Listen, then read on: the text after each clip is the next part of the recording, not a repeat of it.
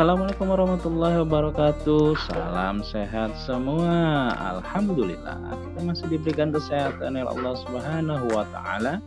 Apa kabarnya nih? Semua sehat ya. Alhamdulillah. Podcast kali ini kita akan belajar tentang perkembangbiakan hewan dengan cara generatif. Yuk disimak dengan baik ya.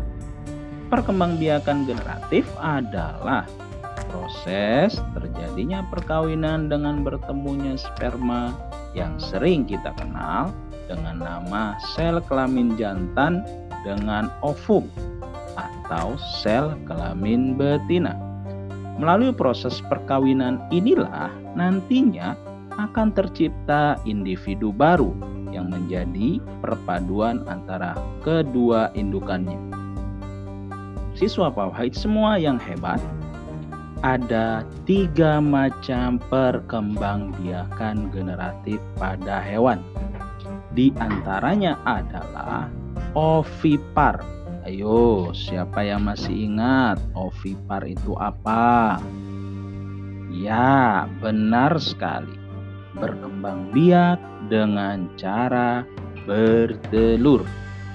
Yang kedua adalah vivipar apa itu vivipar? Benar, siswa pawait yang hebat. Vivipar adalah berkembang biak dengan cara melahirkan. Dan terakhir yaitu ovovivipar. Masih ingatkah yang terakhir ini?